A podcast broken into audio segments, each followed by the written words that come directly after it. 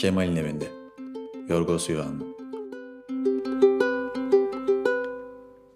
Her sene dut mevsiminde bahçe kapısının basamaklarına gelip nazikçe bahçemizdeki kuyudan bir bardak su rica eden siyahlar içindeki o kadın bir daha görünmedi.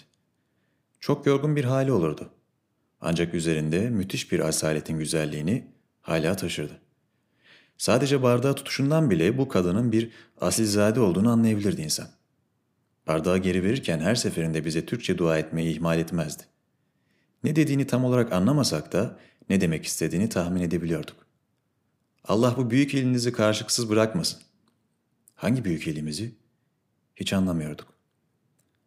Bahçe kapısının basamaklarında uzun süre sessizce oturur, sokağa ya da en azından bitişiğimizdeki Kemal'in evine bakacağı yerde bizim eve doğru kaçamak bakışlar atar, alçak sesle kendi kendine konuşurdu. Ara sıra gözlerini kapatır, yüzü adeta uzaklara doğru yol alırken ağzından anlaşılmaz isimlerin heceleri dökülürdü. Tabii biz bu arada kendisine dut ikram ederdik ağaçtan. Tıpkı bütün mahalleye ya da yoldan geçerken bizden dut isteyen herhangi birine yaptığımız gibi. Yabancı kadın dutları ağır ağır ama büyük bir iştahla zevkle yerdi. Dutlarımızın bu kadar hoşuna gitmesini garipsemiyorduk. Ağacımız o çok bilinen dut ağaçlarından değildi. Hani o tatsız, sulu dutlar veren ağaçlardan. Bizim ağacın dutları kocaman, vişne tadında ekşi ve kıpkırmızıydı. Yaşlı ulu bir dut ağacıydı bu. Dalları iki katlı evimizin boyunu geçiyordu. Sadece bir kötü yanı vardı. Yaprakları çok sertti ve ipek böcekleri yiyemiyordu. Yine de ünü bütün ıslahane mahallesine hatta daha da öteye yayılmış bir ağaçtı. Yabancı kadın ilk kez gelip basamağa oturduğunda ona dut ikram etmeye akıl edememiştik. Ama biraz sonra o kendisi bizden biraz dut rica etti. Çekirdeklerini bahçesine ekmek istiyormuş. Birkaç tanesini ağzına attı, gerisini bir kağıda sararak mutlu ayrıldı kapımızdan. İkinci gelişinde yıl 1938 olmalı, iki sene geçmişti aradan, kağıda dut doldurmadı bu kez. Bahçe kapısının basamağına oturdu ve dutların hepsini birer birer yedi. Anlaşılan bir önceki dut çekirdeklerinden verim almış diye düşündük. Ama bu da pek mümkün görünmüyordu. Çünkü biliyordu ki dutun meyve vermesi uzun yıllar alır. Dut ağacı yavaş büyüyen tüm diğer ağaçlar gibi uzun ömürlü olur ve geç meyve vermeye başlar. Kadın bir sonraki yılda çıktı ortaya. Savaştan az bir zaman önce. Ne var ki biz bu kere ona sadece musluk suyu ikram edebildik. Reddetti.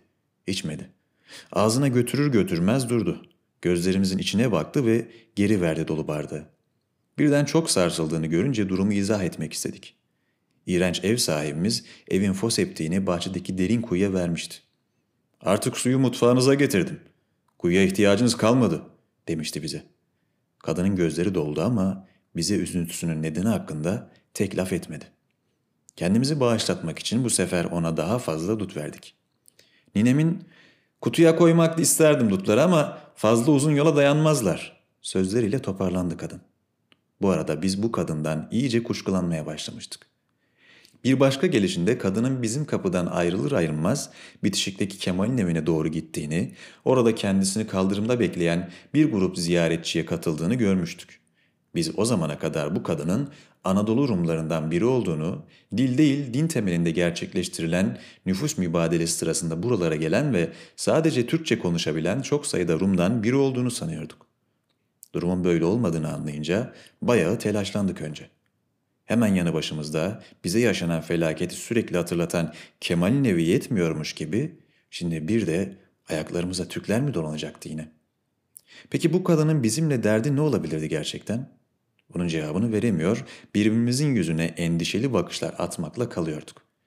Endişemiz sürüyordu ama kadın hakkında birbirimize ettiğimiz sözlerden yüreğimizin ona karşı sıcak duygularla ve umutla ısınmış olduğu besbelliydi. Bizler de ta uzak diyarlarda evlerimizi, bağlarımızı bırakanlardandık.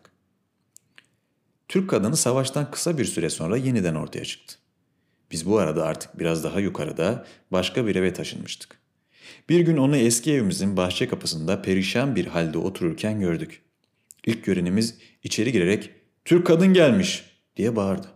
Camlara yapışarak dışarıya baktık. Yüreğimiz burkuldu onu uzaktan görünce.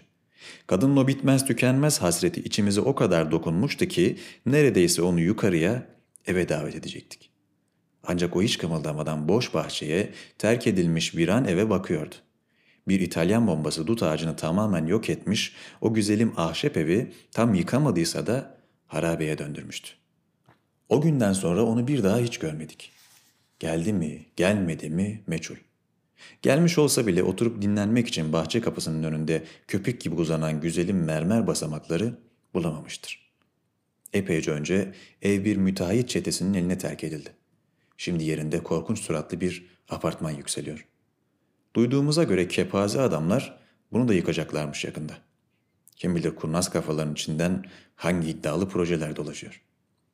Eğer bu söylenti gerçeklik kazanırsa gidip orada pusuya yatacağım sabahtan akşama kadar. Özellikle de harfiyat temeli indiğinde. Belki bu yeni hilkat garibesinin yapımını engelleyebilirim. Hiç olmazsa belki biraz geciktiririm.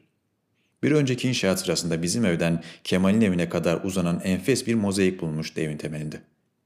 Önceden uyarılmış olan işçiler bu mozaiği çar çabuk örtü vermişlerdi. Yetkililer farkına varıp da işi durdurmasınlar diye. Her neyse, güneşin evin üzerine parlak ışıklarını yolladığı günlerde onu hayran bakışlarla seyretmiş olan mahalleli arasında çeşitli konuşmalar geçiyordu şimdi. Herkes eski güzelliğinden, eski şaşasından bahsediyordu evin. Ben bütün bu yüksek sesli konuşmaların arasında bir ihtiyar kadının alçak sesle söylediği şu sözleri çok iyi hatırlıyorum. Bu ev bir Beyzade'ye aitti. Beyzade'nin serin sular misali bir de kızı vardı. Merdivenlerden bir aşağı, bir yukarı yürümez, adeta akardı. Evi terk ederlerken eğildi. Basamağı öptü. Bu gözlerin böylesine derin bir yürek acısını bir daha görmedi.